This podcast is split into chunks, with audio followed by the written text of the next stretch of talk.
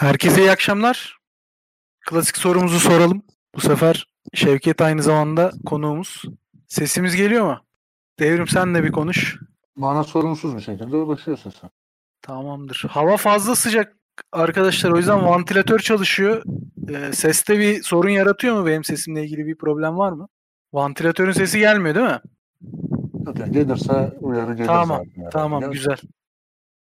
Peki abi, Çok o zaman sırıtma. açılışı yap. Peki.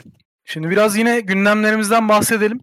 Duyuruda da bahsetmiştik. Biraz genel bir AKP'nin saldırılarının artmasını konuşacağız. Yani bunun içinde sosyal medya yasakları var, kıdem tazminatı var, e, muhalif kanallara, Tele1 ve Halk TV'ye verilen ekran karartma cezaları var. E, barolar gündemi bunun parçası. Daha sonra işte İstanbul Sözleşmesi, Mabel Matiz meselesi. Genel bir saldırı hali var. Biraz bunu konuşacağız. Daha sonra e, avukat arkadaşımız Yasin Gökberk Çınar'la birlikte baroların direnişini konuşacağız bu yasaya ilişkin.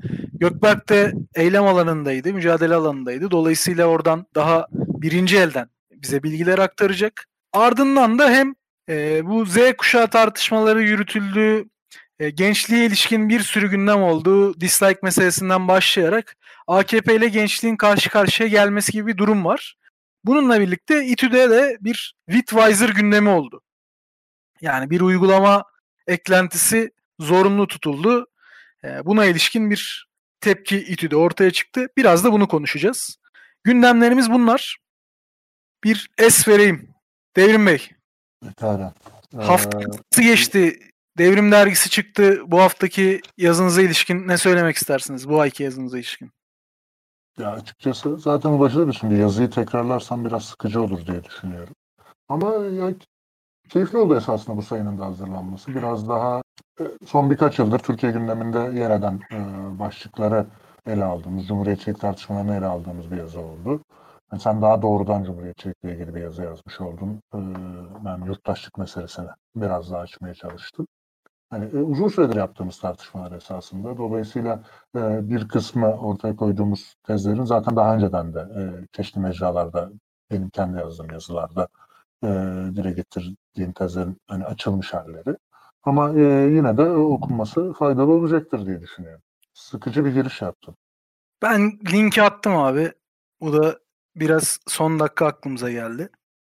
Peki şimdi bu genel meseleyi ben sana sorayım. Daha ilgide çeker. Şimdi bir internet tartışması peydah oldu. Peydah oldu demeyelim. Daha önce vardı. Yeniden gündeme taşındı diyelim. Ee, Twitter'a, YouTube'a ve araya bir de Netflix kaynadı. Ee, Netflix'e işte e, ülkede bulunma, ofis açma, verileri ülkede tutma e, ve full denetim altına girme aslında gibi bir e, koşul sunulacağı. Bunu bunu karşılamazlarsa işte önce ve bant genişliğinin kısılması ardından da komple yasaklanması gündeme gelecek. Bununla birlikte yine başka bir şey iktidar güdümünde olmayan Halk TV ve e, Tele1'e ekran karartma uygulandı. E, bir yandan başka saldırılar da e, sürüyor. Geçtiğimiz haftalarda gündeme aldık. E, emekçinin e, elindeki haklardan belki de sonunculardan bir tanesi. Kıdem tazminatı hakkı. Birçok hak yasal olarak ortadan kaldırıldı. Bir kısmı da o hal veya benzeri Cumhurbaşkanlığı kararnameleriyle e, uygulatılmıyor. Grev hakkı gibi. E, bir kıdem tazminatı kalmıştı. Onu da onun da hakkından gelmek gibi bir e, niyetleri var. E, araya İstanbul Sözleşmesi sıkıştırdılar. E, hele işte Ozan Güven olayı oldu.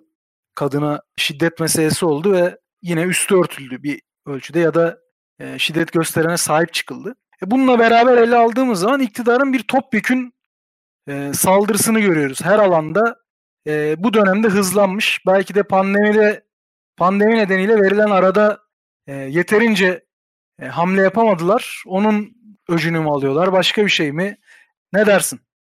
Ya herhalde bu dönemde biraz toplumsal muhalefeti görece e, tepkisiz, hazırlıksız yakalayabileceklerini e, de pandemi nedeniyle e, düşünüyor olabilirler. Kendileri tabii pandemi nedeniyle biraz arada vermişlerdi. Onun birikmesinin de etkisi olabilir. Ama topyekun bir saldırı olduğu hmm, açık görünüyor. Şimdi biraz böyle tek tek yani sosyal medyadan başlayarak gidelim istiyorsan. Hani onun üstünden e, açarız da diğer gündemleri. Ya sosyal medya meselesinde önce şunu söyleyeyim. Benim gözüm Discord'u ve Spotify'ı aradı. Şimdi bizim de bulunduğumuz platformlar onlar. Biraz o konuda kırgınım açıkçası bu platformlar anılmadığı için. Anılsa popülaritelerinde bir artış olabilirdi. Ee, şimdi ikincisi hani daha ciddi bir kısmına gelecek olursak e, bence e, muhalefetin, parlamento muhalefetinin verdiği tepkideki ciddiyetsizlik konuya bence ele alınması gereken bir şey ve iktidarın bu saldırıları ne kadar pervasızca, neden bu kadar pervasızca yapabildiğine de esasında bir yanıt sunuyor. İşte e, Meral Akşener'in tweetiyle başladı yanlış hatırlamıyorsam. Daha da Arkın sonunu izleyecektik işte onu izlemeden olursa kırlarım demişti değil mi? Evet evet. Bir konunla e, başladı. Sonra, düzey zaten şeye gitti. Bir, bir tane adam tartışma programında bence izlememiştir Dark falan dedi. Sonra Akşener'in danışmanı cevap verdi. İkinci sezon bilmem kaçıncı bölümdeymiş falan diye. Böyle saçma sapan. Bana ne Akşener Dark'ı izledim mi izlemedim yani. Yani böyle e, ya tuhaf bir şey. E, Kılıçdaroğlu'nun sonraki işte ya aman spoiler verir falan filan gibi tuhaf bir yanıtı var diye. Biri toptan şey atabilir. En sonunda Pervin Buldan var yanlış hatırlamıyorsam. Doğru mu hatırlıyorum ismi? HDP'den olan. Yok şeyde Erdoğan da girdi. O da o modda bir şeyler. Erdoğan. Yani böyle iktidar da o işe dahil oldu yani. Onların da yani işine geldi çünkü. Ciddiyetsiz, e, tuhaf bir tartışma. Ya şimdi burada şöyle bir mesele var bence. Açıkça söylenmesi gereken.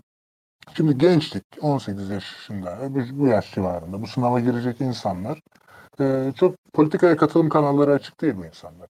Neleri var ellerinde? İşte bir sosyal medya hesabı var belki. Ondan bir şeyler yazabiliyor. Onun dışında da dislike tuşuna basabiliyor yani. Hani onun dışında bir şey yapamıyor. Bu insanlarsa diğerleri epeyce büyük muhalefet partilerini yönetiyorlar. Ellerinde ciddi bir siyasi güç var. Ve bu siyasi güçle yaptıkları şey yani şakalı tweet atmaktan ibaret. Bu e, esasında çok sinir bozucu bir durum. Bu sempatik işte bir kuşağın dilinden konuşuyorlar falan filan diye ele alınabilecek bir şey değil. Tam tersine bu kişilerin, e, bu şahısların doldurduk, sahip oldukları makamların esasında getirdiği sorumluluğu yerine getirmediklerini gösteren bir şey. Kendilerine oy veren seçmenlerin onlara oy verme nedeninin de ben bu olduğunu zannetmiyorum genel anlamıyla. Dolayısıyla ortada ciddi bir sorun var. İktidar da e, böyle bir tablo karşısında gördüğünde bundan güç alır. Bundan cesaret alır ve ona göre hareket edebilir. Ya doğru şey doğru yani böyle daha önce başka başlıklarda da gördük yani. Karşısında bir kuvvet ya da bir ciddiyet görmediği zaman iktidar da aa burada kavga yokmuş ben de girmeyeyim demiyor.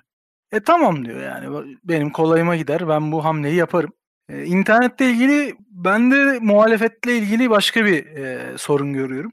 Şöyle bir söylem var. İnternetin doğasına aykırı bu yasaklar uygulanamaz, yapılamaz, e, nasılsa olmaz gibi bir algı var. E, yani ben bilgisayar mühendisiyim. Tam alanım değil. Yani çok detaylı işte web'e ve güvenlik protokollerine ilişkin çok detaylı teknik bilgim yok. Ama benim kabaca bildiğim mümkün arkadaşlar. Yani şu mümkün. Belli siteleri yasaklanması, buralara girilmesinin engellenmesi ve bu sitelerin Türkiye'de bitirilmesi mümkün. Bu işte şey demeyin. Nedir onun adı? E, VPN kullanılır falan demeyin. Bu herkesin kullanmayacağı bir şey olduğu için zaten çoğunluk buraya girmeyeceği için buraların etkisi azalacak. E, kapladığı yer azalacak. E, bu, bu durumda başka şeylere insanlar yönelecek. E, sitelerin Türkiye'deki popülaritesi bitebilir. Bu anlamıyla e, bu tarz yasakların sonuç alması mümkün. Burada teknik bir imkansızlık yok. Burada meseleyi iki boyutuyla bence tartışmamız gerekiyor. Birincisi iktidarların sınırı ne? Yani bu şeyin bizim nerede sınır çekmemiz gerekiyor? Nerede karşı koymamız gerekiyor? Çünkü bu aynı sosyal platformlarda muhaliflere küfür edildiği zaman, hakaret edildiği zaman, tehditler yağdırıldığı zaman hiçbir şey yapılmıyor. Ama iktidar sülalesinden birisine bir şey söylendiği zaman onun dokunulmazlığı var. Orada yaygara kopuyor. O söyleneni elbette savunmayacağız. Elbette karşısında duracağız. Ee, ama meselenin geldiği nokta iktidarın ne istediğiyle ilişkili. Yoksa işte Twitter'da, YouTube'da, Netflix'te babamızın malı değil. Ee, ben herhangi bir hamlelerine kefil olamam. Bugün Facebook'un Facebook'la gündeme gelen kimi skandalların bu sitelerde yani işte Google'ın YouTube üzerinden ya da işte e, Jeff Bezos'tu sanırım bu Twitter'ın e, CEO'su. Onun Amazon yapmayacağın Amazon'un muydu? Pardon. Karıştırdım. Aha. Twitter'ınkinin adı Jack, Jack'ti herhalde. Yanlış hatırlamıyorsam. Soyadını hatırlayamıyorum. Jack Dorsey'miş. Yani Twitter'ın CEO'sunun böyle yollara sapmayacağını falan Ya açıkçası düşünmüyorum. Tam tersini düşünüyorum hatta. Yani bu tarz şirketlerin bu kadar veriyi e, topladığında ve tekelleştiğinde mutlaka basit, kabaca hızlı konuşmak için söylüyorum. Kabaca kötülük saçacağını eminim. Bunu biliyorum. Bunlara önlem alınması gerekir. Bunların karşısına özgür alternatiflerin çıkarılması gerekir. Ama bu AKP'nin işi değil. AKP'nin yapmak istediği şey kendisi eleştirilmesin, kendisine laf söylenmesin. Zaten bu Tele1 ve Halk TV meseleleri de bununla ilgili. A Haber'de, A TV'de zehir saçıyorlar her gün. Her gün istisnasız. Yalan haber, hakaret, tehdit. Bütün gün en ufak bir ceza yok. Ama kendi çizgisinde olmayan kanalların hataları, yanlışları çok hızlı bir şekilde cezalandırılabiliyor. E dolayısıyla yani böyle bir düzen kurmak istiyorlar. Ee, internette de. Tıpkı işte televizyonculukta, gazetecilikte yakaladıkları şeyi, e, tekelliği internet alanına da taşımak istiyorlar. Ve buna anlamlı, bütünlüklü, gerçekten internetin ne nasıl olması gerektiğini ifade eden bir karşı koyuş ortaya konulmadığı sürece, bunun goy goyu geyiği yapıldığı sürece bunu da başarırlar yani. Ne olacak? Siz sanıyor musunuz Twitter'ın sahibi sizin özgürlüğünüzü çok önemsiyor? Orada şeye bakacak. Dünya çapında benim markamı zedelerse ben bunlarla anlaşmam. Yapmam. Zedelemezse bir şey olmazsa anlaşırım diyecek. Netflix ona göre içerik üretecek Türkiye'de. Ona göre gösterecek. Zaten bunun sinyallerini vermişti. E dolayısıyla burada başka bir hikayeye gidecek bu iş. E bizim bizim de hakikaten şey bir e, çizgi çekmemiz gerekiyor. Yani neresinde neresinde biz varız, neresinde bizim haklarımız var. E buna dair anlamlı bir çizgi çekmemiz gerekiyor diye düşünüyorum. Buradan e, televizyonlar meselesine belki biraz girilebilir. Ya bu konuda da çok yeni bir şey söylemek mümkün değil. Zaten uzun süredir devam eden bir e, saldırganlık ve basına yönelik e, bu saldırganlıkları daha önce de ele almıştık. Cidden orada şöyle problemli bir durum var. Ya bütün basın neredeyse ele geçirdiler. Doğan Medya grubunu da sonra zaten baktığımızda öncesinde ana akım olarak varsayılan AKP iktidara geldikten sonra bütün medya şu an AKP medyası haline gelmiş durum. Yani e, kalan herhangi bir yer yok neredeyse. E, ama e, farklı mecralar bundan dolayı ilgi çekiyor. Çeşitli YouTube'dan yayın yapan platformlar da ilgi çekebiliyor. E, sosyal medya üzerinden yayın yapan da. Halk TV, Tele1 gibi e, kanallar da seyircinin yöneldiği yerler haline geliyor haber alabilmek için. E, daha ana akım karakteri taşıyan, öncesindeki ana akım kalıplarına uyan Fox var herhalde. E, böyle benzer bir ilgi hala üzerinde taşıyabilen. E, o da tamamen angaje e, bir çizgide olmadığı için. E, ya bir de Amerikan sermayesi abi o. Ona dokunurken birazcık ürk, ürkerek hareket ediyorlar. Onun da etkisi ee, var bence. Ya, e, tabii. Ya şimdi bu tabloda e, baktığımızda e, kendi medyaları etkisiz, yani bunun çözümünü etkili olan medyayı e, sınırlandırmak, susturmak gibi bir yerde arıyorlar. Ya bu çok uzun vadeli olabilecek bir yanıt değil cidden. Bunun üstünden bir hegemonya, bir rejim inşa, inşasının ben çok mümkün olduğunu düşünmüyorum. Ama bu baskıyı kurarlar. Muhalefet karşısında gereken hamleleri yapamazsa bu baskı bir süre başarılı olmuş gibi görünebilir sadece bence. Ama uzun vadeli bir strateji olarak yani kesinlikle görülemez diye düşünüyorum. Zaten çok bir stratejinin ürünü olmaktansa hamleleri mesela sosyal medya konusunda da şimdi AKP akıl atfetmenin çok büyük bir akıl atfetmenin sakıncaları var. O sosyal medya meselesinde görmüyor. İki gün önce kendisi YouTube yayını yapmayı denemişti. İşte olmayınca Hatta Twitter'da en çok takipçisinin olmasıyla övünüyordu. İki gün sonra sosyal medyayı kapatma bir çizgiye savrulabiliyor. Doğru. Peki bir de kıdem tazminatını konuşalım mı? Yani bu meseleye ilişkin şöyle bir belki ilginç bir durum var. Sonuçta e, bu emekçilerin e, hakkı elinden alınıyor. E, dolayısıyla e, artık işten çıkarılmak bu kıdem tazminatı ortadan kalkarsa işten çıkarılmak bir e, kolaylaşacak. Dolayısıyla e, işçinin iş güvencesinin ortadan kalkması anlamında bir adım daha.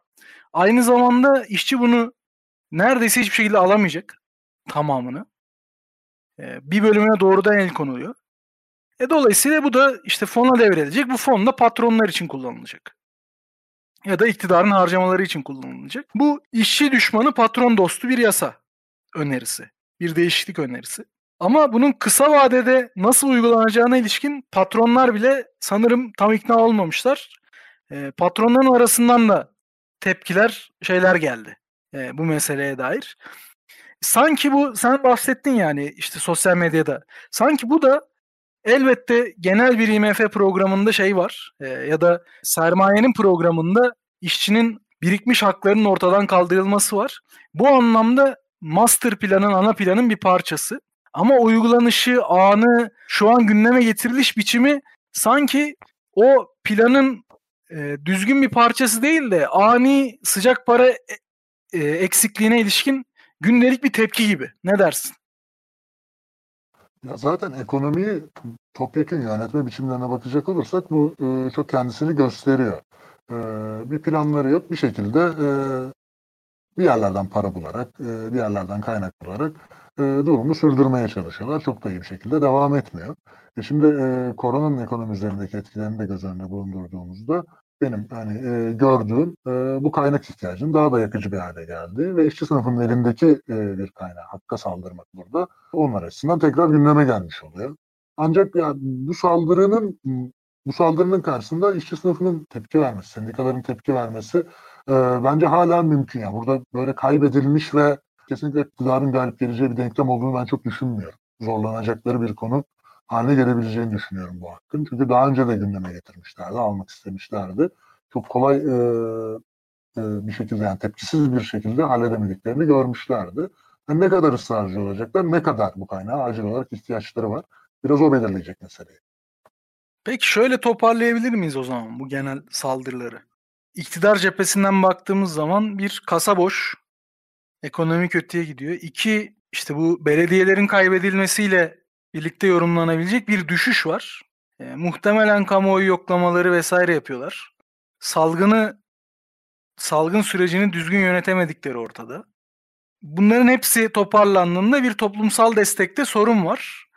E, dolayısıyla hani bu sürece ilişkin işte bu şeyle de bağlantı. Örneğin mesela Netflix gündem olmadı ama Netflix niye topun ağzına konuyordu? Mesela benim çok eleştireceğim noktaları var Netflix'in. Başka bir gündemde eleştire yani anlatabilirim.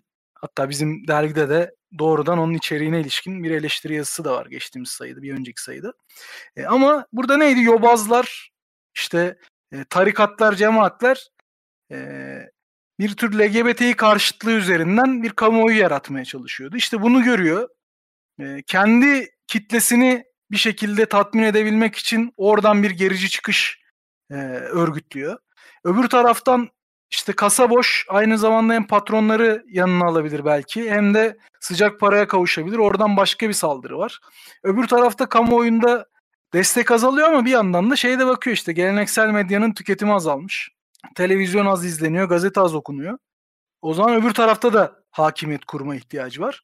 Dolayısıyla genel bir refleks hali öyle söyleyeyim. Yani böyle bir şey yorumlayabilirsiniz. Bir iktidar elinden kayıyor gibi hissediyor. Gerçekten kayıyor mu kaymıyor mu e, bu spekülasyon olur. Biz buralara girmeyelim. E, ama şey bir his var yani böyle bir bir şeyler gidiyor gibi hissediyor ve oralarda o gitmesini engellemenin en iyi yolu bir şeyler kazanarak bu işi çözmek. İşte tavizler vererek değil. O da belli bir kazanım olarak daha ileri bir noktada iktidarını tahkim etmeye çalışıyor gibi duruyor. Yani burada e, hem şunu bilelim işte çok güçlendiği için bunları yapıyor değil. Hani müthiş güçlendi. Şimdi bir sonraki adımı atıyor. İşte kendi istediği devlet yapısına doğru değil. Ama şu da değil. İşte zaten gidiyor son çırpınışları boşa debeleniyor falan da değil. Evet geriye doğru düşüyor uçurumun kenarında ama eski alanını değil daha ilerisini hedefleyerek daha e, genel bir tahkimat sağlamaya çalışıyor diyebilir miyiz? Ya zaten geçmişte de gördüğümüzde AKP'nin Erdoğan'ın böyle bir siyaset yapma tarzı var. Sıkışmalarını e, bir saldırıyla aşmaya çalışma olarak özetlenebilecek. İlk aklıma gelen örnek buradaki 2010 Anayasa Referandumu. Şimdi o referandum kararı alınmadan hemen önce ülke gündeminde e, tekel direnişi vardı. Tekel hatta e, ilgili e, karar tekel özelleştirme sürecinde Yargıtay'ın verdiği AKP aleyhine olan, yapmak istedikleri şey Yargıtay ile Danıştay pardon, e, Danıştay'ın verdiği bir karar hatta ve bu direniş cidden onları zorlamıştı. Hatta bir önceki yerel seçimlerde AKP'nin oyu e, önceki genel seçimlere kıyasla düşmüştü. Tam oy oranları yani %34 bandında bir oy almışlardı sanırım. E, baktığımızda. Arkadaşlar kontrol edip doğrusunu yazabilir. Şimdi ben kontrol edemiyorum tam. Ama 2010 referandumunda ciddi bir saldırıyla esasında yargıyı tümden ele geçirmeye yönelik bir saldırıyla buna karşılık verdiler. Ve başarılı oldu kendi açılarından baktığımızda. %58'lik bir evet oranıyla geçirmişlerdi. Dolayısıyla e, savunma yapmaktansa saldırı yaparak sorunları aşabileceğini düşünüyor. Ancak bana kalırsa şu an karşı karşıya oldukları sorunlar biraz daha köklü. Çok fazla birikmiş sorun var ve ekonomik sorun bu sefer çok öte- ötelenebilir gibi durmuyor. Dolayısıyla aynı strateji bugün ne kadar başarılı olur, e, ne kadar sonuç alıcı olur, e, bundan çok da emin değilim. Peki göreceğiz diyelim hem de karşısında bir mücadele e, ortaya koyacağız diyelim ve şimdi savunmanın mücadelesine biraz geçelim konu olarak.